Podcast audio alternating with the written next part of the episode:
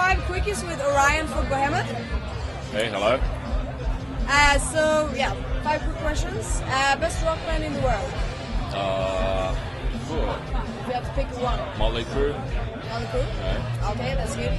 Uh, so craziest thing a fan ever did uh, for you? Crazy thing that I've done. No, that a fan did. That Crazy offended. fan story. Uh, it's always tattoos, you know.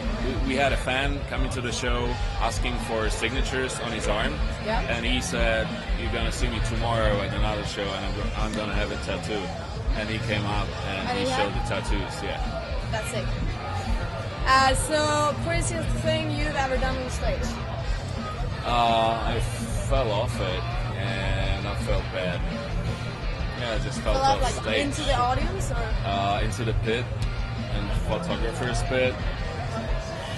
Just a bad thing to happen, you know. But uh, really bad. uh, so if you had to choose uh, between rock music and chicks, what would you choose? uh, chicks while listening to the rock music. No, you can't. You have to pick one.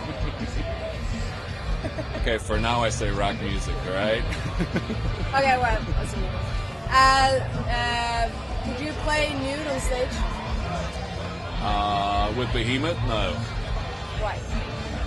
'Cause we're, we're wearing these weird outfits on stage and we do corpse paints and everything. And that's the idea of the band and I'm not gonna play nude. I, I don't have this need in me to play nude. Would you do I'm it if playing you nude played at my with home. Sorry? Would you do it if you played with another Get band? me an offer.